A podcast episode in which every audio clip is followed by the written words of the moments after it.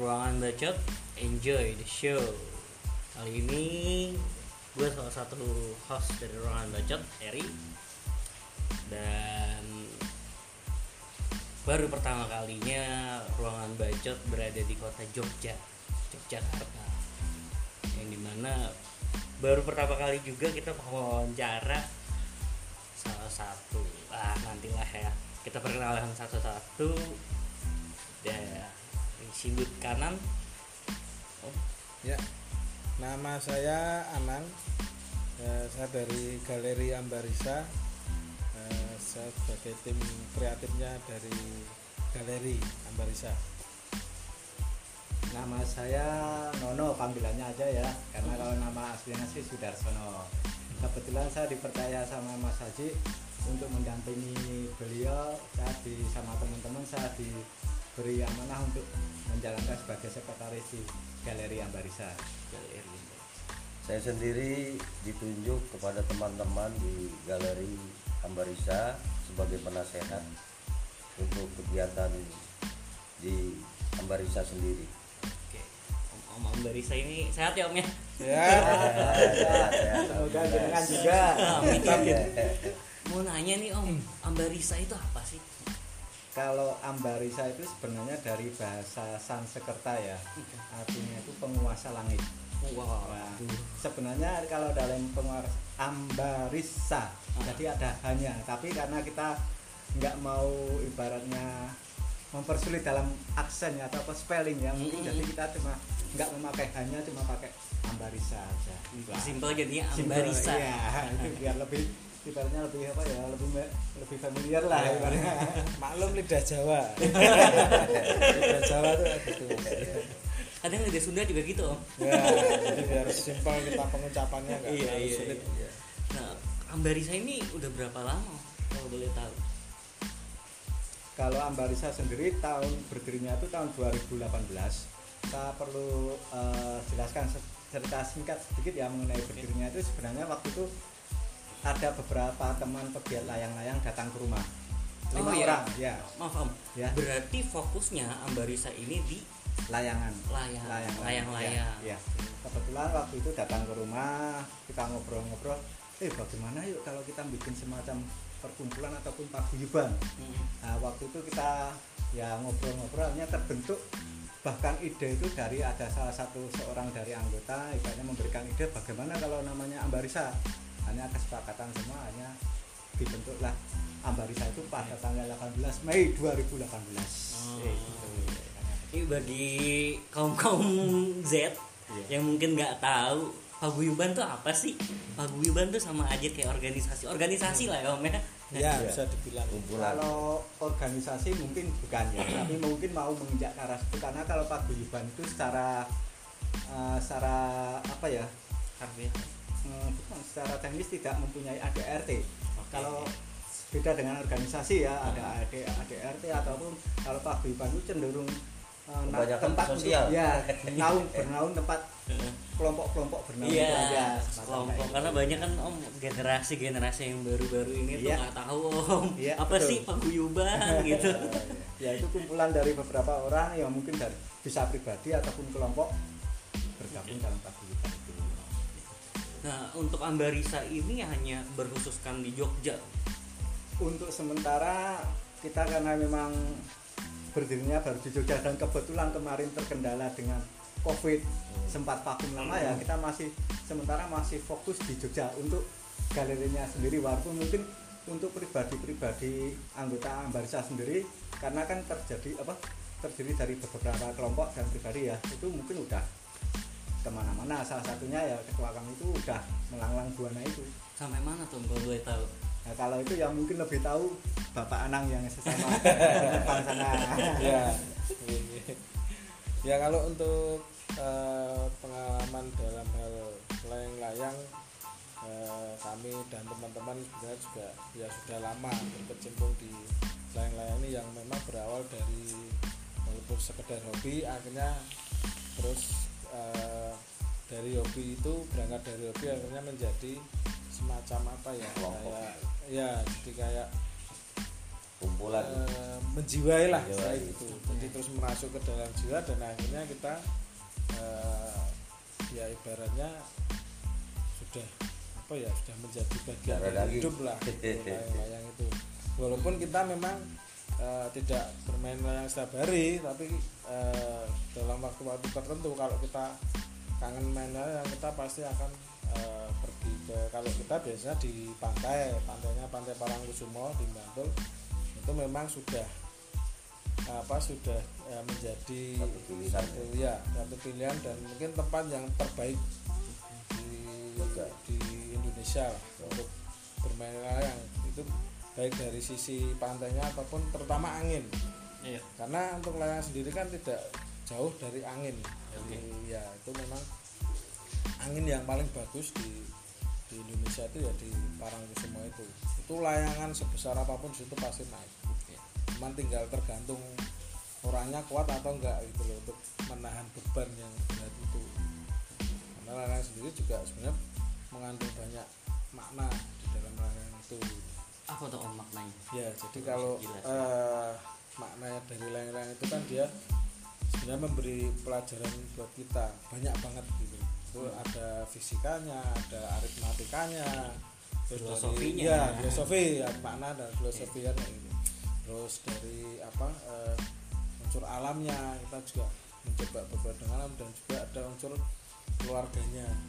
Karena eh, layangan yang kita mainkan ini eh, berbagai macam bentuk dan model orang Hmm. mungkin awam tahunya layang-layang bentuknya diamond selama Ya, ini ya, ya, ya. diamond itu yang bentuk segi empat itu Iya. nah itu orang awam mengenalnya itu padahal sebenarnya layang-layang itu bisa berbagai macam bentuk bisa dibuat dan bisa besar ya dinaikkan jadi layang-layang Hmm. nah kalau untuk kategori kategorinya itu memang eh, secara apa ya eh, ya udah ya entah sudah kesepakatan atau ini tapi secara di yang yang kita kita pahami itu ada eh, lima kategori kalau layang-layang yaitu ada kategori tradisional Mm-mm. itu yang eh, layang-layang yang bentuknya sendaren Sendarin tuh? Iya, sendaren itu eh, bapangan, banyak sendaren itu sebenarnya eh, al- alat yang dia terbuat dari tanah gitu. Oh. Eh, tapi itu nanti yang mengeluarkan bunyi.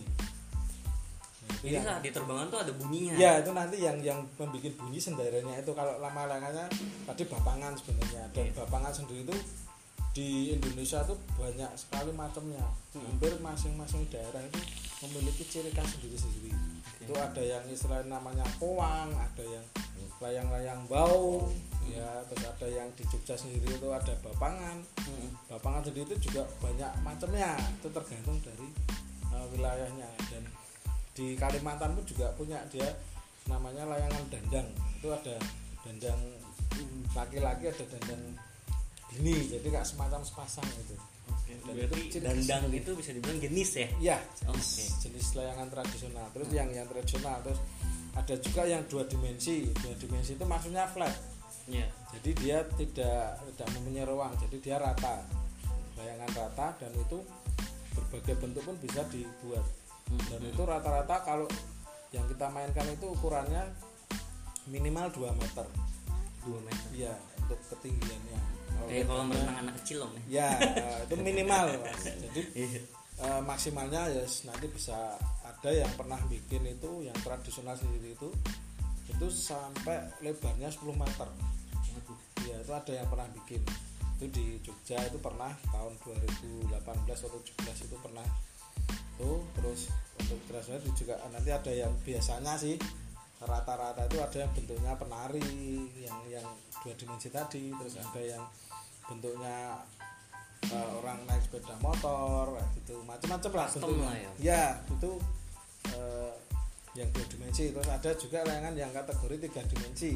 Nah, itu memiliki dia memiliki ruang tiga dimensi itu. Itu bentuknya bisa macam bisa bentuk burung bisa bentuk eh, biola bentuk jam terbang. Itu semuanya bisa naik semua karena dia memiliki ruang. Terus ada juga orang jualan pentol itu juga ada. Becak kereta itu terus ada yang berikutnya itu eh, layang-layang yang namanya eh, train train itu maksudnya Oh, bukan kereta ya kereta Iya. itu kan dia gandeng-gandeng nah itu juga sama makanya dinamakan train dan train itu kalau di Indonesia sendiri itu memang Mm. eh, kita lebih fokusnya ke train naga Oh. jadi dia kepalanya naga terus nanti di belakangnya dia layangan bentuk bulat gitu tapi dia memanjang gitu. Jadi bentuk lingkaran-lingkaran gitu tapi dia banyak kepingnya kepingnya banyak dan itu eh, ber- memiliki berbagai macam dimensi. Jadi ada yang dimensinya 20 cm itu sampai yang yang terbesar itu yang pernah dibuat setahu saya 120 cm diameternya. 120 cm Iya, yang pernah ini. Tapi itu untuk uji coba terbangnya kayaknya belum pernah dilakukan untuk yang apa yang sudah itu satu meter apa nggak berat tuh om. Ya itu makanya eh, untuk Esensinya di situ sendiri, ya. ya itu nanti masuk di yang saya bilang tadi filosofinya ada kekeluarganya di situ nanti. Jadi eh, dia itu memang semakin besar memang semakin berat. Mm. dan layang-layang sendiri itu misalkan di bawah beratnya cuma 25 kilo misalkan. Mm. itu nanti kalau sudah kena angin itu bisa 10 kali lipat beratnya. Makanya di situ dibutuhkan eh, kerjasama tadi kekeluargaan tadi untuk saling membantu dalam menaikkan layang-layang itu. Terus ada itu yang tren naga ya. Terus kemudian ada jenis yang namanya rokaku.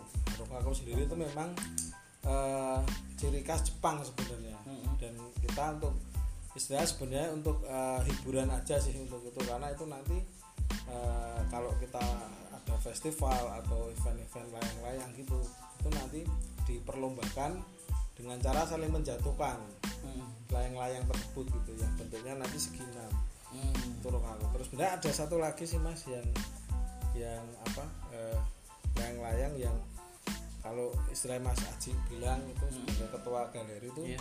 itu layang-layang show atau untuk eksebisi Oke. Eh, dan itu bentuknya dia tanpa kerangka jadi dia tiga dimensi tapi dia tanpa kerangka Tapi normal terbangnya. normal terbang. Dia bisa ada yang tanpa pilot ada yang pakai pilot. Pilot itu eh, layang-layang semacam bentuknya kayak parasut gitu. Nah itu untuk kalau yang layang-layang yang yang membutuhkan pilot itu nanti untuk mengangkat itu layang-layang itu. Ada juga yang dia bisa berdiri sendiri dan itu besarnya tergantung yang membuat. Dia mau buat ukuran berapa meter pun bisa. Termasuk yang kita punya itu layang-layang kobra itu untuk diameternya sendiri lebarnya kepala itu tiga setengah meter untuk panjangnya itu 45 meter ya itu bentuknya kantong dan itu bisa dilipat lebih praktis jadi kita mau keluar negeri pun istilahnya mau main layangan di luar Atau itu mungkin dilipat beli dari luar kota. Om, Ya. aku mau pesen nih kirim ke Jakarta. ya, gitu. bisa lebih praktis karena tidak membutuhkan kerangka Oke. ya jadi memang tanpa kerangka nah itu untuk macam-macamnya untuk layang-layang ini dan kalau untuk ya tadi filosofi dan maknanya ya ya seperti saya sampaikan tadi memang eh, banyak sekali kita bisa belajar dari situ Pertanyaan paling agak panjang ini penjelasannya karena Pertanyaan paling Ya, mendasar nih om, paham gitu. buat om-om bertiga. Ya. Kenapa Ambarisa memilih layang-layang? ya Makna dari masing-masing kan beda ya. ya eh kalau ya memang kalau sejak dari kecil sih kalau saya sendiri pribadi memang sejak dari kecil senang layang-layang dan saya memang dari kecil dulu eh, ya bisa dibilang habis pulang sekolah mesti main layang-layang iya iya. yang yang kita tahu dulu memang eh, layang-layang diamond itu tadi Iya, yang iya. layangan aduan itu nah makanya di situ eh, terus seiring waktu kita beranjak dewasa gitu kan nah terus baru muncul itu layang-layang yang berbagai macam kategori tadi itu. Nah dari situ terus saya kenal dengan Mas Haji. Itu udah hampir dari tahun berapa ya? 90-an lah 98 atau berapa lah. nah itu terus saya diajak sama Mas Haji untuk lebih intens di layang-layang reaksi lah istilahnya gitu semacam itu. Oh, om kalau saya sendiri sih sebenarnya ya ya mungkin hampir sama seperti Mas Anang ya dari kecil kan kita emang udah kebiasaan layangan ya. Dan ini sebenarnya kenapa saya menginjak ke layangan yang mungkin lebih banyak variasinya ini karena terus terang aja di di Jogja terutama di kampung saya sendiri kalau saya lihat anak kecil itu udah sulit sekali bermain layangan. Karena sekarang ruang untuk ke arah situ itu udah lapangan sudah nggak ada juga jaringan-jaringan tele, apa telepon internet atau gimana udah nggak memungkinkan untuk bermain layangan makanya ya saya mencoba mencari alternatif lain untuk bermain layangan ya di pinggir pantai itu. Hanya saya jadi tahu jenis-jenis layangan wuh semakin tambah semakin saya lagi memberikan edukasi ke kalangan zaman sekarang ya om ya. Ya, karena kebetulan salah satu eh, waktu itu kita berembuk di Ambarisa itu salah satu keinginan dari Ambarisa adalah mensosialisasikan bagaimana bermain layangan dengan safety. Itu termasuk salah satu yang poin terpenting karena banyak kejadian di Jogja sendiri orang naik motor terjerat tali layangan atau Iya, mungkin iya, iya. di waktu di bandara ataupun sering mengganggu itu jadinya makanya kita mau mencoba mengarahkan ataupun mensosialisasikan bagaimana cara bermain layangan yang benar pada masyarakat sih. Itu aja. Dari hal-hal sesimpel mungkin iya, ya om ya. sesimpel mungkin. Karena Iya. emang ya itu sebenarnya layangan itu kan mungkin kalau kita tahunya simpel aja kan ibaratnya. Padahal di situ tuh ya nanti kalau udah menginjak yang layangan kreatif itu tidak maknanya lebih itu, luas iya. tuh ya. Dan pengerjaannya pun nggak semudah iya, itu. iya karena seperti yang bilang itu padanya kita tahu harus tahu fisika tahu Iya. nah, karena ada hitung hitungannya matematika kan gitu. dengan, Bener. ya mungkin nambahi Mas Nono ya berkaitan dengan eh, safety kiting tadi ya memang benar bahwa eh, beberapa tahun ini kan eh, ada kasus ya istilahnya yang di Solo itu sampai masuk ke berita itu Iya. orang meninggal karena terjerat benang layang-layang di Jakarta juga sempat ada Oh iya, ada kabar juga. kayak gitu Oh, om iya. ya ya itu sebenarnya menjadi keprihatinan kita juga makanya eh, kita memasukkan ke salah satu visi misi kita ya salah satu safety kiting tadi jadi kita ingin memberikan edukasi bagaimana bermain layang-layang yang aman dan juga menyenangkan gitu. Iya. terus terkhusus untuk yang kalau kita mengistilahkan namanya combat kite ya kalau yang layangan diamond itu nah itu memang harusnya eh, kalau misalkan mau diadakan itu harus diadakan di satu tempat khusus yang memang jauh dari eh, lalu lintas kendaraan segala Hmm. macam mungkin di tanah lapang atau apa dan jaraknya terbatas gitu Dari jangan sampai iya eh, jangan sampai nanti benang itu layang putus Mhm. dia benangnya ngelewat di jalan orang Iya. jalan kan nggak tahu tahu-tahu nah kayak gitu yang kejadian nah itu memang jadi termasuk eh, yang di India sebenarnya itu juga kalau di sana kan misalnya sudah menjadi keagamaan ya ritual Hmm. keagamaan itu namanya ada eh, perayaan Makar Sankranti namanya. Makar Sankranti. Nah, jadi itu eh, apa ya semacam ucapan rasa syukur ke dewa matahari atau apa kalau nggak salah. Mungkin nanti bisa dicari referensinya agak lupa Nah, itu salah satunya dengan mereka keluar bermain layang nah di sana itu karena karena sudah menjadi ritual agama akhirnya hampir setiap orang itu pada main layangan. Dan itu layangannya yang diamond diamond bentuk tadi itu. Dan di sana untuk kasus kecelakaan itu sudah banyak. Yang terjadi meninggal dunia itu sudah Itu korbannya nggak cuman orang bahkan yang hewan-hewan pun yang Sapi. terburung terbang itu oh burung ya. ya itu juga banyak yang kena itu. Kena benang terbang nabrak jatuh nah itu juga nah, itu menjadi kepercayaan. Terus salah satunya dengan kita membentuk galeri ini untuk sebagai wadah itu juga nanti untuk edukasi Iya. untuk memberi termasuk kita nanti ke anak-anak memberikan workshop lain-lain itu juga kita beri edukasi untuk jangan bermain layang yang yang seperti itu. Coba kita beralih ke layang-layang hias ya semacam Iya. itu yang lebih aman gitu. Jadi perkembangan layang-layang ini bisa di kita comparekan sama kayak sepeda om ya ya Iya, iya, iya. sepeda zaman dulu kan kita cuman main eh, zaman kecil ke sawah lah atau ke mana jatuh. Sekarang kan udah ada banyak jenis sepeda lah. Ya bahkan sampai yang sepeda yang tinggi sekali juga. Iya. Kalau dari om Yudi gimana om?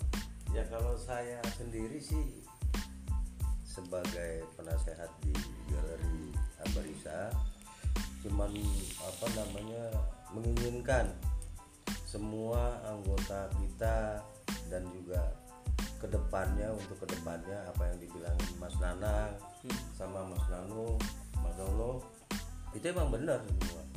Jadi kan emang semua udah dipikirkan sampai kita sendiri punya apa namanya kayak seperti surat izin ya. Jadi ada standar nasional Indonesia kalau boleh dibilang tuh. Dari benangnya dari layangnya. Terus SNI lah, ini bukan layangan loh. Kalau layangan itu yang dibilang diamond. Hmm. layangan itu yang diadu-adu gitu. Kalau ini diterbangkan untuk dilihat dan dinikmati dengan semua orang. Jadi kalau kita punya keluarga kita bawa anak kita. Dan ke depannya juga kita kepengen nih Ambarisa Gallery ini bisa eh, mempublikasikan atau memperkenalkan ini layang-layang yang sebenarnya seperti ini bermainnya pembuatannya karena kita di sini juga produksi. Bukannya istilahnya cuma bisa nerbangin beli di satu tempat tapi tidak. Kita semua di sini siap gitu. Dan memang kita mempertahankan semuanya sampai saat ini. Jadi dengan itu kita semua ini anggota udah seperti keluarga. Gitu. Bahkan yang di luar-luar sendiri yang pernah bergabung sama kita ya mereka berdiri sendiri berkembang sendiri. Tapi kita tetap akan membina terus akan memberi semangat. Gitu. saya sih cuma mengharapkan untuk ke depannya adalah salah satu mungkin entah ya dari pemerintah kita atau apa bisa melihat betul-betul dari dekat apalagi dengan datangnya dari Eh, ruangan bacot podcast uh, ruangan bacot podcast itu kita berterima kasih banyak ya. itu aja saya ya, yang saya in- ini kan apa namanya sampaikan sama Ya, tadi yang dibahas juga sama Om Yudi ngomong-ngomong soal produksi kan itu di Jogja ya. Iya. Ya. Tepat itu Jogja mana sih kalau misalkan mungkin teman-teman yang dengar pengen datang atau mau coba nyari tahu atau gimana mungkin bisa jelasin nomor alamat tepatnya Ya kalau untuk galeri kita emang sementara ini kita masih berada di di daerah Demangan. Kalau untuk masih sederhana ya kita masih di istilahnya masih milik pribadi. Dan kita dari pihak pemerintah desa Mm-mm. itu udah dimasukkan ke salah satu ini apa Pokdarwis sebenarnya. Hmm, yaitu sebagai wujud perhatian pemerintah juga cuman masih lingkup kecil kita sebagai eh, wisata khusus jadi objek wisata khusus eh, minat khusus lah kan objek wisata minat khusus yaitu layang-layang Iya. yang ada di eh, kelurahan Gonto Kusuman saya Kelurahan kelurahan Gonto Kusuman ya kalau untuk nama desanya Demangan namanya. Iya. yaitu di deket.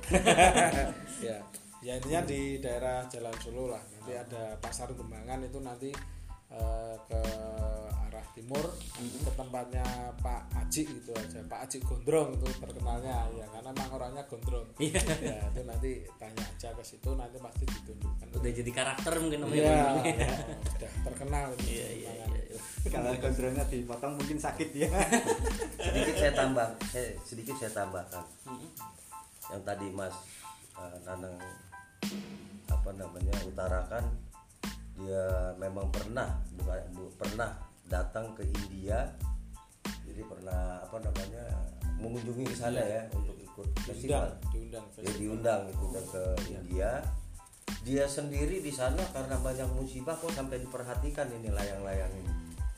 Gitu sampai diberi eh, diberi jadi khusus, ya. kayak jadi salah satu ah, dialihkan terus menjadi satu momen khusus. Iya iya gitu kenapa kita di negara kita bahkan di sini kan budaya Mm.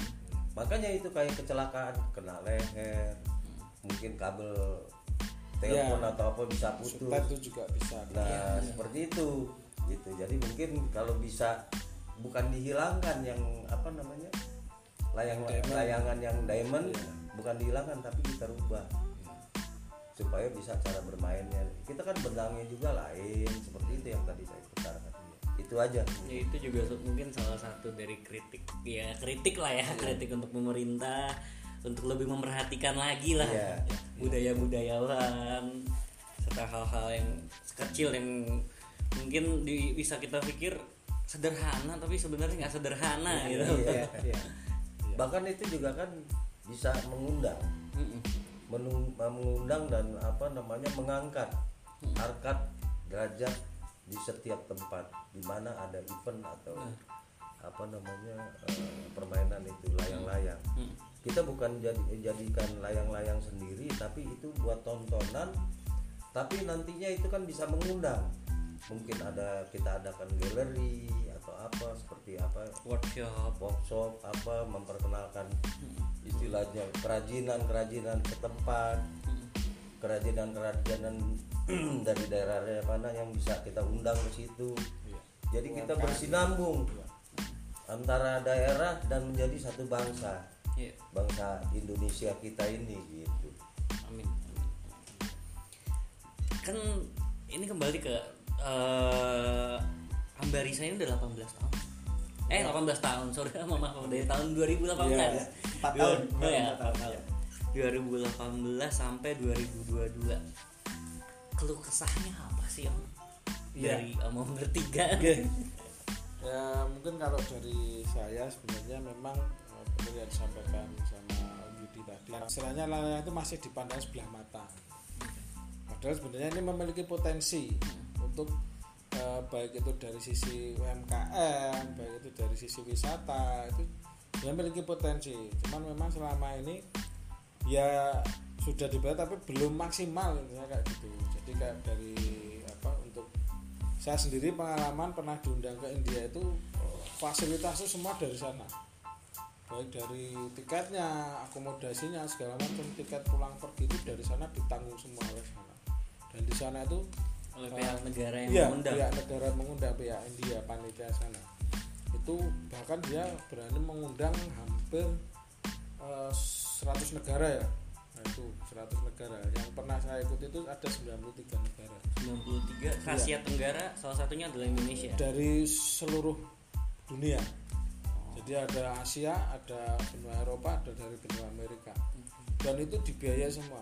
Nah kita berharap nanti ke depan kita juga berharap bisa seperti itu gitu. Loh.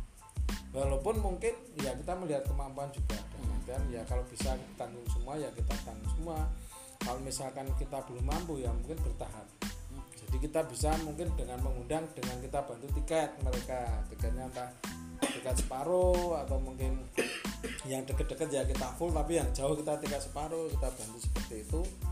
Ya dengan harapan mereka bisa datang ke ini. Itu terus eh, itu yang yang pertama. Yang kemudian yang berikutnya mungkin dengan dengan kita mengundang mereka sebenarnya kita mempunyai misi juga gitu loh. Yang salah satunya di antaranya mungkin dengan eh, memperkenalkan wisata. Hmm. wisata yang ada di Indonesia. Itu kita bisa mengajak mereka tur. Entah mungkin keliling ke mana ke Pulau Jawa dulu. Mungkin nanti kita bikin berapa titik untuk mereka bisa main layangan. Hmm. nah itu juga nanti kita mencoba untuk pada saat kita mengadakan eksebisi Hmm.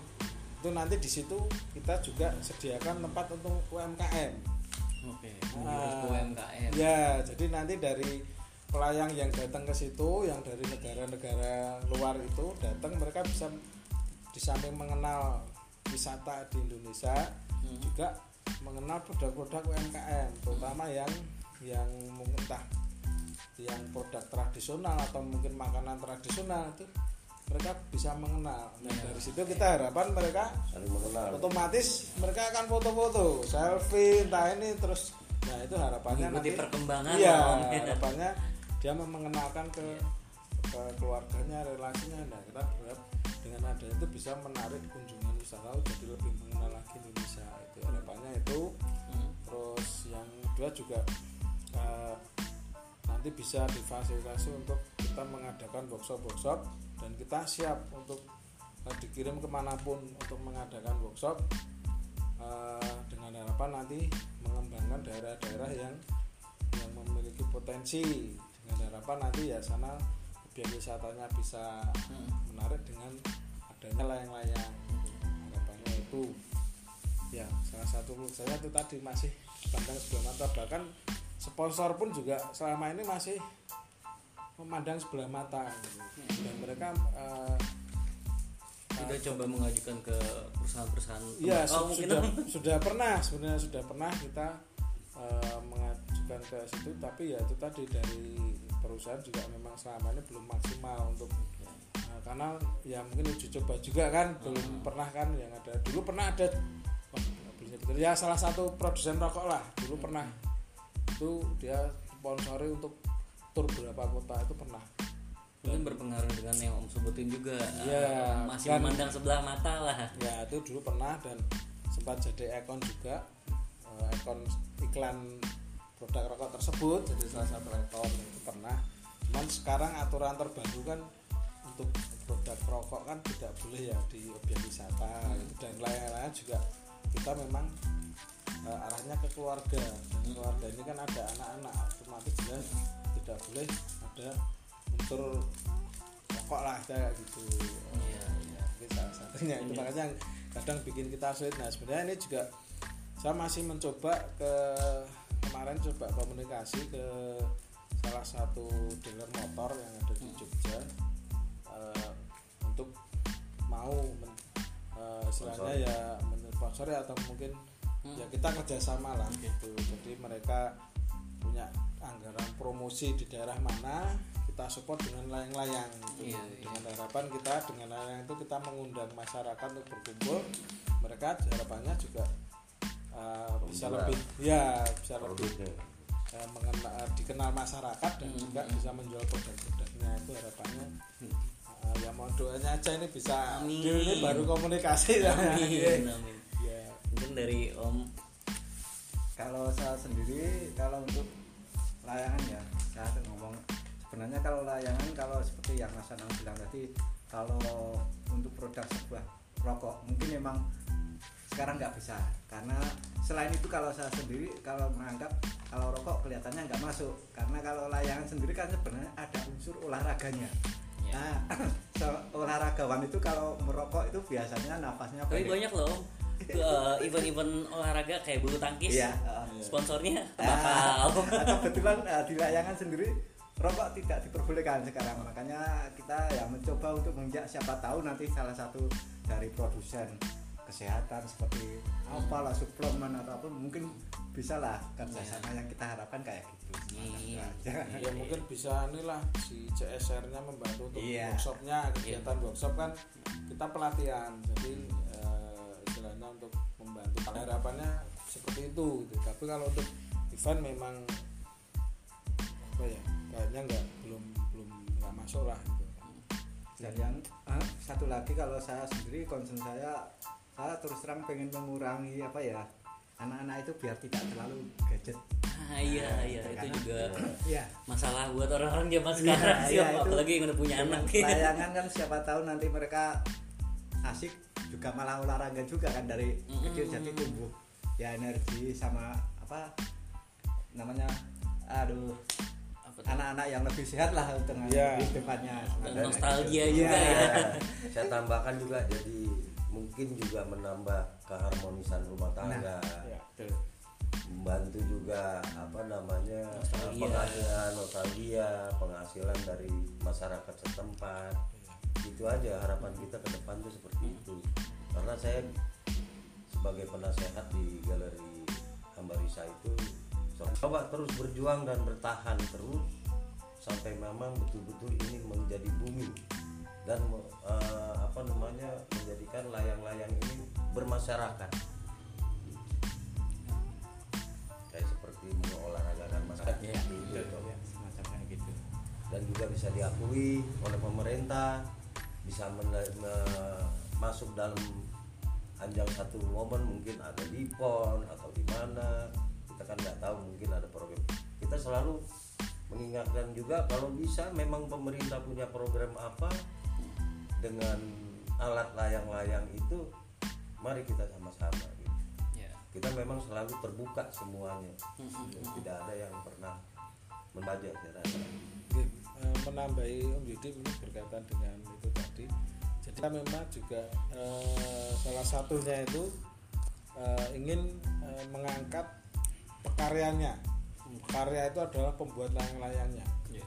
Karena selama ini eh, yang yang yang terjadi itu memang banyak istilahnya yang ya bisa dibilang orang-orang yang mampu lah istilahnya. Hmm. orang yang mampu itu dia eh, mengaku sebagai pelayang tapi kenyataan dia cuma beli tidak membuat sendiri ya iya. gitu.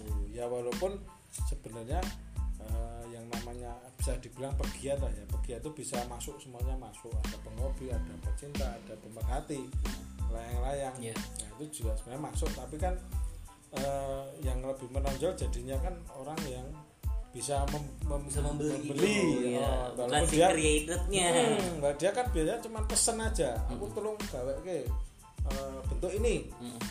tetap pekaranya yang buat. Tapi yang yang pakai kan yang pembeli ini yang memang benar ya ada hak cipta pembeli karena dia mampu membeli. Tapi eh, yang ingin kita angkat itu justru ini yang pekaranya ini. Dan ini banyak sekali yang selama ini eh, ya itu tadi yang apa ya istilahnya yang belum bisa muncul gitu loh yang muncul ya yang orang-orang yang ini walaupun memang ada yang pekarya sendiri juga dia tampil juga ada banyak. tapi memang ada yang banyak juga yang pekarya yang belum bisa tampil karena dia cuma pro- memproduksi aja belum bisa menampilkan gitu jadi karyaku Gitu. Eh, pertanyaan selanjutnya mungkin apa ya next plan buat Ambarisa dari tahun ke tahun untuk ke depannya itu apa sih? Program-programnya ya. ya Ya, kalau untuk program-programnya sebenarnya kita eh, ya itu tadi yang saya sampaikan bahwa kita ada kegiatan workshop, itu pelatihan-pelatihan untuk membuat layang-layang, bisa juga untuk anak-anak, itu bisa berbagai jenjang, berbagai tingkatan. Bisa juga kita nanti kalau untuk yang dewasa ya kita ajari untuk memproduksi layang-layang eh, yang bisa dijual, yang bentuknya nanti kayak delta itu juga ada. bisa di custom juga Nah, bisa di custom nanti bisa berbagai macam bentuk bisa dibuat eh, istilah tokoh-tokoh kartun atau Iya. yang ini biar untuk menambah daya tarik anak-anak Nah, itu nanti kita beri pelatihan untuk bagaimana membuat itu biar layang juga nanti setelah dibuat bisa terbang bagaimana bahannya apa aja. Nah itu untuk workshop kegiatan workshop. Terus eh, kegiatan lainnya mungkin ya semacam itu tadi kita selain workshop kita juga eh, mengkampanyekan safety kiting Ya. juga. Terus nanti ke depan kita juga memperkenalkan eh, objek-objek wisata dengan kita mengadakan kegiatan-kegiatan baik itu eksebisi ataupun eh, pameran segala macam itu juga. Kuliner. Ya. Dan ke depan kita juga ya, ingin membantu dari para pekarya-pekarya ini untuk bisa tampil di luar negeri. Kalau Amin. kita diundang gitu. Nanti eh, harapan kita ya mereka yang kita ajak ke sana. Bergilir. Ya bergilir enggak jadi mereka biar apa ya istilahnya ya kita hargailah mereka. Mereka benar-benar berkarya. Tuh kalau ada undangan ke luar negeri terus nanti event di mana juga mereka kan kita ajak Oke. karya-pekarya tersebut untuk eh, biar entah dia bisa menjual entah nanti dia bisa membantu di workshop juga. Itu kan juga akan menambah semakin menambah eh, ya saya mengangkat pengangguran juga bisa. Ya. jadi mungkin yang bingung wah aku mau kerjain apa ya nah kita latih lain untuk membuat lain dia nanti bisa produksi. Balik-balik lagi Oh. mengangkat UMKM ya ya? Ya kita coba kemarin UMKM jadi eh, karena sana termasuk kita nanti juga kalau misalkan kita nanti difasilitasi untuk bisa mengadakan event internasional ya harapannya nanti bisa terjadi transaksi di situ antara pelayang internasional dengan pelayang kita. Hmm, bisa kolaborasi. Iya, karena eh, ya kita harus bangga bahwa selama ini layanan kita itu sebenarnya nggak kalah dengan buatan Ya. luar negeri. Kita itu sebenarnya cuma kalah di bahan sebenarnya. Kalau sana bahannya memang bagus-bagus, kualitas bagus. Dan kita kalau mau membeli juga memang masih berat Hmm. karena memang mahal harganya. Dan di di sini juga kayaknya yang impor belum ada ya yang istilah untuk memang jual khusus kain itu memang belum ada jadi kita memang ya semaksimal yang ada yang terbagus itu yang kita pilih yang kita beli untuk membuat layang-layang itu Iya, nah di sisi lain kan nanti eh, itu juga malah terkadang yang pernah terjadi itu waktu kita ada event internasional itu malah mereka itu yang yang dari luar itu malah nimbrungnya ke pelayang nasional ke pelayang lokal. Jadi mereka udah naikin gitu ditinggal layangan mereka. Terus mereka malah nimbrung ikut bantu narik layangan ikut Iya. Jadi malah berbaur gitu. Bahkan ada yang pernah terjadi itu mereka akhirnya membeli layang-layang yang punyanya pelayang kita gitu. pelayang nasional itu dibeli sama mereka. Eh, om mengiyahkan nggak kalau misalkan orang luar itu bisa lebih menghargai karya kita dibanding orang kita sendiri? Wah ya jelas itu. Iya itu ya itu ya makanya kita mencoba untuk biar kita itu juga iya. Sedih sama sebenarnya. iya gitu loh mungkin di juga luar aja kayak gitu kok kita. ya? kebanyakan karena gengsi kali membeli brand luar mungkin orang-orang di luar sana kebanyakan wah brand dari Eropa nih atau dari Amerika nih. Padahal banyak kualitas-kualitas dari Indonesia sendiri yang gak kalah Nggak bagus iya. Bahkan jahitan dari eh, kita sebut aja lah bola. Ya. World Cup di tahun 2018 aja itu dijahit di Sukabumi om. Iya. Iya. ya. Ya, kita harus harus sebenarnya harus bangga dengan dengan budaya. karya karya karya karya karya makanya kita ingin mencoba untuk itu gitu. biar kita itu juga bisa apa istilahnya ya eh, saling inilah apa istilahnya eh, kalau kita diundang ke sana kita Memberikan juga feedback ya kan. feedback juga gitu loh jadi kita juga mengundang mereka ke sini gitu. dan nanti harapannya lebih- yang lebih besar adalah bisa kita ekspor layang-layang Nah, kita ekspor layang-layang gitu. karena nah untuk ekspor sendiri kita sebenarnya punya kendala nih sebenarnya terkadang kita kendalanya di biaya kirim Oke. nah jadi mereka itu terkadang keberatannya di biaya kirim. Jadi harga layang-layang dengan biaya Iya. kirimnya lebih mahal biaya kirim. Saya pernah itu eh, eh, mau dipeseni eh, seribu layang-layang tapi setelah saya tanyakan ke ekspedisi dengan harga layang-layangnya itu lebih mahal biaya kirimnya. Emang sama apa sih. Sampai orang yang nge-cancel? Ya itu misalkan harga layang-layangannya itu cuman kalau di di dolar gitu misalkan ya itu harganya cuman ya sekitar atau empat belas ribu ya nah itu misalkan kita didolarkan ya dua setengah dolar lah misalkan dolar. Nah, untuk biaya kirimnya itu bisa 50 dolar sendiri Waduh. Nah, itu makanya dan itu kan nggak nggak bisa kalau di cuman kita pakai paketan yang ada di sini itu kan kadang susah. Misalnya kita bisanya yang yang besar besar lah, termasuk kargo itu juga saya juga coba ke sana. itu pun juga kesulitan karena apa kita cuma kan kalau seribu kan juga masih minim. Iya. Nah itu bi- bisa tapi itu tadi biayanya bisa lebih mahal. Itu perbandingannya kayak gitu harga layangan dua setengah dolar biaya kirimnya 50 dolar. Nah itu yang jadi kendala di kita. Nah harapannya nanti ke depan ya itu tadi mungkin salah satu triknya ya kalau misalnya kita diundang sana kita bawain atau apa tapi mereka pesan dulu tapi itu kan tidak setiap saat cuman kalau pas ada event aja sana ada festival kan gitu mereka ke sini pun juga kesulitan makanya ya nanti ke depan dengan kita coba untuk uh, mengundang mereka ke sini ya harapannya bisa terjadi transaksi bisa terkumpul banyak itu akan lebih murah mungkin ya untuk biaya kirimnya gitu semacam itu ke depannya Oke, Om. Iya. Ini mungkin pertanyaan terakhir Om. Kiat-kiat apa sih Om eh, selama dari 2018 ke 2022 buat eh, mungkin teman-teman di luar sana ya. Bagaimana harus tertarik dengan karya kita sendiri? Atau mungkin khususnya kepada layang-layang apa sih yang membuat tertarik eh, eh, Ambarisa untuk mengiklankan anak-anak muda di luar sana tuh? Oh, kita tuh harus eh, bangga loh dengan karya kita sendiri jangan cuma dengan brand-brand luar aja. Ya salah satunya kalau saya pribadi itu ya konsisten. Kita harus konsisten dengan apa yang kita yakini bahwa suatu saat itu layang-layang Indonesia itu akan bisa eh, yang pertama dunia.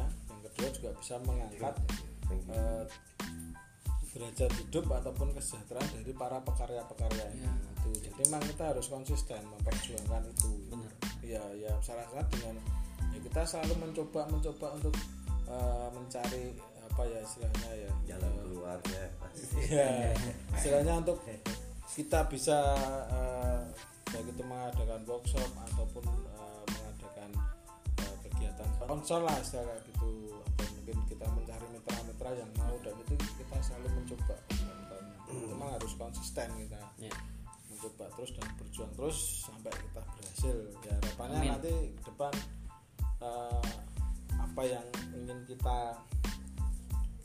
capai atau kita cita-cita ini bisa terwujud Amin. ke depan makanya saya tambahkan lagi mohon kira-kira mungkin bisa dibantu atau atas bantuan dari uh, Difasilitasi. Skating Mm-mm. itu bisa apa yang kita harapkan ke depannya itu menjadi kenyataan bisa didengar istilahnya. bisa didengar karena kita mau, mau merubah merubah semuanya dari layang layang yang apa namanya berbentuk diamond itu menjadi layang-layang gitu. Kalau layang itu kan memakai arku yang apa kaku. Kalau Serem ya, Om, iya, serem. Kalau layang-layang itu dia simple, bisa menjadi simple, bisa dilipat, bisa dimasukkan ke bisa istilahnya masuk ke tas pun bisa gitu. Jadi maknanya beda ya Om. Iya. Layang sama Lay- layang-layang. Layang, layang. Layangan lain. Layangan dia kaku gitu dan dia kan bahannya lain. Iya, iya, Dari iya. kertas. Dan memang selama ini kan membahayakan sekali. gitu. dan mungkin juga menambahi dari Pak Yudi sama Pak Nana mungkin karena banyak masyarakat kita sendiri yang masih mungkin tahunya itu layangan itu ya cuma bentuk diamond aja mereka mungkin kurang begitu paham mengenai macam-macam bentuk layangan yang sebenarnya banyak sekali ya. Jadi mungkin ya mungkin perlu dengan adanya ini siapa tahu lebih terpublikasi jadi ma- semacam bentuk layangan. Karena memang kalau layangan sendiri itu membutuhkan padanya adu kreativitas Iya. di situ. Nah, di iya, situlah iya. seninya di situ. Iya, benar, Nah, selain itu ya otomatis ya seperti tak bilang tadi olahraga itu Iya. karena emang berat sekali itu di situ. Makanya tadi yang sempat dijelasin Om eh, panjang berapa? Paling Ya, panjang tadi? itu bisa 100 meter 100 untuk, meter untuk yang nggak kebayang satu diterbang kan. Iya. Kalau kita sendiri bisa ik- keikut kali. Ya. bahkan kalau yang terakhir kemarin saya sempat lihat di televisi juga Cina bahkan mencapai 700 meter itu tren naga itu Iya. saya sendiri uh gila 700 meter lalu biaya berapa sama ya waktu itu ya kerja sama banyak berapa kelompok itu karena emang berat sekali Kalau mungkin juga kalau Cina kan biasa barongsai dia. iya jadi mungkin Jadi orang banyak. Na- naganya beda dengan naga Iya, kita. iya. Kalau naga kita itu mungkin lebih cenderung ke apa ya, hampir ke realis. Apa yang ada di gambaran pen- pembuatnya itu perkaranya itu dia dituangkan ke dalam bentuk kepala itu dan dan bisa ya bisa saya bilang ya kalau saya sendiri meyakini bahwa hasil karya mereka itu kayak semacam memiliki jiwa gitu kayak hidup gitu Iya. jadi apa hasil dan Ada bahkan pernah seni. Iya, ada seninya jadi. Di situ. jadi pernah ada yang yang yang kejadian itu bahkan dia itu kayak semacam apa ya kayak ya kalau orang kepercayaan Jawa ya kayak dia itu kayak kemasukan kodam gitu. Wah, Hmm, jadi dia bisa kayak semistik itu Om. iya eh, kan pernah ada yang lukisan bisa kedip sendiri nah itu begitu pun dengan kepala naga itu dia Oh. Kalau malam itu bisa ada yang gerak-gerak sendiri Iya, iya. itu ada dan itu eh, terakhir yang yang saya tahu itu dia akhirnya dibakar itu karena dia nggak mau eh, Mas real jadi- itu Om karena ada yang Jadi- kesurupan akhirnya dibakar. nggak kesurupan jadi kayak itu apa kepala naganya itu kayak hidup gitu loh Oh. bener-bener hidup ya entah dia gerak-gerak atau kalau malam gitu kayak gerak gitu kayak entah matanya kayak kedip atau gimana terus akhirnya yang pembuatnya itu merasa nggak nyaman. Apa ya nggak nyaman dengan itu akhirnya dibakar dan waktu membakar pun eh, si videonya itu juga pas waktu dibakar tuh kayak ngeblur gitu loh. Ya kayak di tayangan-tayangan yang inilah yang mistis-mistis Iya, gitu. kan. film-film Ah, horor. kan kalau di shoot kalau ada sesuatu kayak ngeblur nah itu Iya. juga itu benar-benar terjadi. Ya sampai sampai ya itu saya meyakini seperti itu. Jadi memang apa ya karena dilakukan dengan hati dan dia melakukan dengan tulus dengan ini. Jadinya kayak semacam hidup kayak punya jiwa. Itu mencerminkan karakter pembuatnya juga sebenarnya. Iya, iya, iya. iya. Bisa dilihat. Memang, tapi memang perlu pendalaman lebih lanjut ya kalau eh, apa saya eh, karakter ini nanti orangnya seperti ini mungkin bisa dipelajari juga karena ya apa ya bisa dibilang hampir realistis lah kalau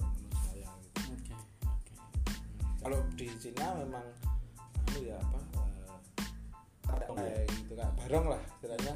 Bentuknya agak lebar kepalanya ya ini inilah. Ngomong-ngomong tadi om. Eh, ini ini pertanyaan terakhir. Sekali lagi nanya terus ya. Ngomong Cina. Indonesia Cina Indonesia nih. Nggak ke politik ya om ya? Iya, iya. ngomong Cina Indonesia. Layang-layang itu emang bener ya diklaim itu oleh Cina Ya, se- eh, yang pernah saya tahu seperti itu bahwa ada yang mengklaim layang-layang itu pertama kali di- ditemukan di Cina. Tapi ada salah satu pelayang yang dari Jerman itu dia eh, waktu main di Muna itu dia diajak ke gua namanya gua gua Muna. Namanya Wolfgang. oke iya iya Wolfgang Biek namanya. Itu, itu dia diajak ke sana dan yakini bahwa uh ternyata eh, layang itu sebenarnya bukan dari Cina, tapi Datang memang perlu pembuktian Cina. ya. Di situ jadi di gua itu ada lukisan orang main layangan di situ di dalam gua itu. Di gua Muna namanya di Sulawesi sana. Dan sana memang dari sampai sekarang pun untuk layang-layang sendiri dia benar-benar tradisional karena bahannya pun juga dari bahan alam dari daun daun apa namanya daun kalau di sini di Jawa bilang daun gadung gadung itu apa? Daun gadung itu daun banyak beracun oh. dia tumbuhnya sama seperti bambu tidak bisa di dia tumbuh ada, ada waktunya untuk untuk layangan. Sama seperti bambu. Oke. Jadi ada musimnya. Kalau pas musimnya dipetik Hmm. ada jenis perempuan ada jenis laki dijadikan layangan dia tidak apa tidak bubuk tidak rapuh. Tapi kalau di luar uh, Musim. musimnya itu bukan waktunya dia akan rapuh seperti bambu juga seperti bambu orang Jawa bilang ada masa ada mongso tapi kalau pas mongsonya itu kalau bilang bulan Mei sama Juni itu nggak usah direndam itu minimal seumur manusia dia baru rapuh. Jadi tidak usah pakai apa obat-obatan enggak dia tidak akan apa tidak membubuk gitu. Kalau di luar itu membubuk dia. Mungkin saya tambahkan cerita hal tentang satu kilasan dari Mas Ana Mas Nono itu baik- mungkin saya sudah bicara teknis ya. Bicara sejarah maaf. dulu. Eh, sebelumnya ini adalah suara dari pendiri Ambarisa ketua. Ketua. bergabung Haji ya baru aja bergabung. Jadi, ya terima kasih. Kesempatan ini dari Progres sudah bisa hadir di Gali kita di Jakarta. Dan tidak lupa jangan kapok datang moga-moga di next bisa datang lagi kembali dengan timnya. Kita Amin. akan membahas lebih komplit lagi lebih detail lagi. Semoga juga dengan adanya ini teman-teman media yang lain juga bisa datang ke sini. Siap. jadi kita saya bangga dengan Indonesia karena layangan. Indonesia the best. Kenapa? Karena punya budaya. Kita jadi sama Amerika sama Eropa kita nggak kalah kok. Mereka oke punya teknologi tapi kita punya budaya kita sama-sama kita bisa belajar teknologi dari sini. Ya. tapi kalau mereka mau belajar budaya harus datang ke Indonesia. Makanya Indonesia the best. Ya. dari segi layangan Indonesia paling bagus. Mereka hanya simetris secara teoritis. Tapi kita bermain layangan dari teoritis dengan rasa rasa feeling. Ya. contohnya ilustrasinya. Iya. mereka hanya membuat layangan simetris semua. Kita di luar simetris kita bisa bikin unsimetris nah itu pakai rasa ilustrasinya di sini bisa bilang orang bijaksana lah itu ilustrasinya dengan layangan kok tidak? Kanan lebih pendek kiri lebih panjang. Kok bisa naik? Bisa imbang. Nah itulah ilustrasinya. Kalau seimbang ya kanan kiri sama. Filosofi. Iya. jadi kita tetap bangga dengan Indonesia. Kita punya budaya. Kita harus bangga sama karya-karya kita bisa- bangsa ya. Iya, tapi di sini ya kembali lagi kita ini hanya karya orang daerah. Jadi pemerintah sudah baik, sudah punya program, tapi kurang pas. Orang ini yang pas saya mesti di cross check. Jadi sama orang yang benar-benar, jangan sama orang-orangan. Wah, kalau orang-orang Islam ini, iya ya kita, kita bebas ya, kita independen kok. iya Kita nggak ada kaitan apa, kita mau dibantu, kita tidak belum dibantu selama ini, kita tetap jalan kok. Kita bisa berdiri walaupun gagal, gagal, gagal, ya karena kita masih single factor, relawan semua. Ya kita harapannya pemerintah ya harus kritis, lebih jeli siapa, orangnya apa, Benar, bisa di cross check dulu. iya. Kita bertanggung jawab, makanya dari pembicaraan ini kita ya ngebacot bareng-bareng Iya. bisa sampai.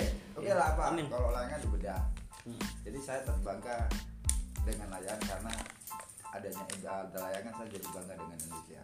The best Indonesia. Dan juga masalah yang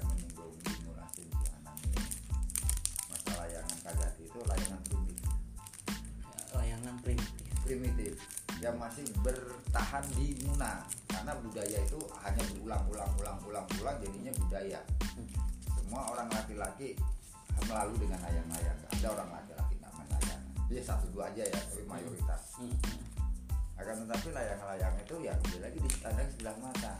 Orang lihatnya zaman dulu tapi sekarang sudah perkembangan zaman apa tuh? Mau dibawa ke mana? Dibawa ke bisnis bisa buat terapi kesehatan bisa buat edukasi bisa buat budaya bla bla tergantung kita yang dibawa ke mana di situ pemerintah belum jeli di situ iya iya iya jadi ya bukannya saya nyamar berarti udah bagus tapi yuk kita bicaranya pada si pelaku dan Jadi juga ini iya. kritik membangun untuk pemerintah ya Om. Jadi jangan oh katanya pelayang pelayang, pelayang yang mana. Nah, kalau sama saya kan pelayang yang mana? Karya kamu di mana? Rekor kamu di mana? Kalau sama saya nggak bisa ya karena ya dulu saya juga nggak ada cita-cita main layangan kok. Nah ngomong-ngomong cita-cita nih Om, apa sih yang ngebuat Om tertarik sampai membuat Ambarisa ini sampai ke layang-layang? Iya dari awalnya kan saya hanya ah, roh saya ada di layangan. Kenapa roh saya di layangan? Ada kepuasannya di sana. Karena Saya kepuasan membuat- pribadi kita ya, membuat masing-masing. kita terbangkan kan layangan itu membuatnya tidak instan tidak bisa labe pertama kita punya angan oh gue mau bikin layangan nih ya. Palingan kita gambar sket Ya. kita ngambil bambu kita merancang kita menempel atau menjahit kita mencoba pasang tali kama kita pergi tanah lapang atau tanah yang ada hamparannya luas anginnya tidak terganggu baru kita coba. Jadi semua dilalui semua dengan proses. Tambah lagi orang bisa menikmati tidak ada bayar harus bayar tidak harus ada perempuan tidak harus lagi semua bisa menikmati Ya. itu menjadi kepuasan mas pangeran akan tumbuh ekonomi di sini orang jajan apa jualan nggak aus apa karena orang di tanah lapang tuh panas orang berlari-lari Hmm. nah itu yang minta Filosofinya sama kayak ya jadi kehidupan Om. berarti alam alam itu layang-layang alam yang saya dapat Ya. ya mau melanggar silahkan tapi kamu kalau terlalu tinggi ntar wah godaannya banyak tinggi Iya. Angin akan semakin kencang. nah ini pengen godaannya juga banyak Iya. gitu. itu kalau lagi oleng bagaimana mengendalikan? Jadi tali kama itu keharmonisan. Bagaimana kita ngukur pakai rosok pakai rasa. Layangan Indonesia itu best. Di Muna itu layangan yang saya tambahkan ulasan itu. Uh, kalau mengklaim karena memang negaranya memang serius dia.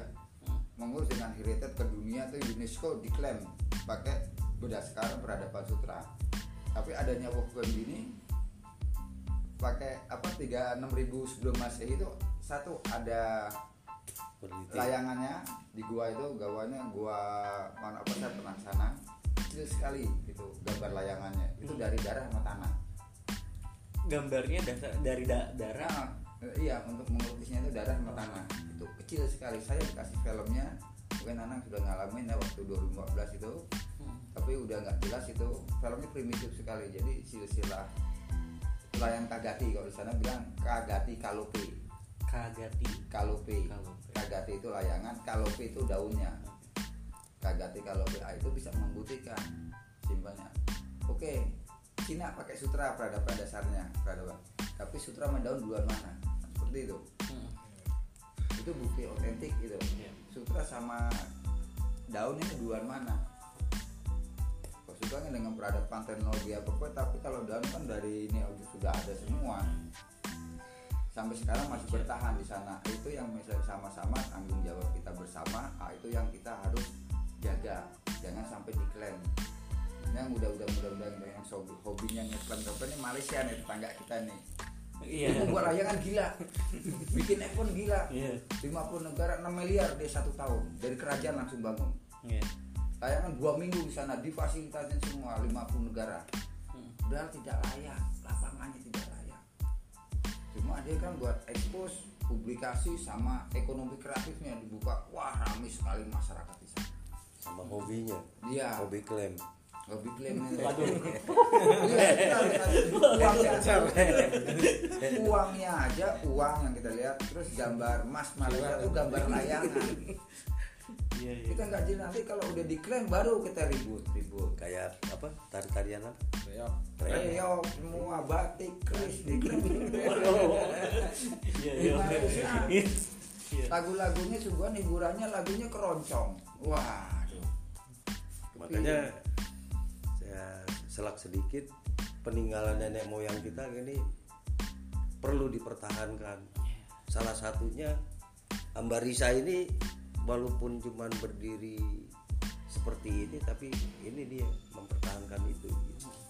Layang-layang bukan layangan.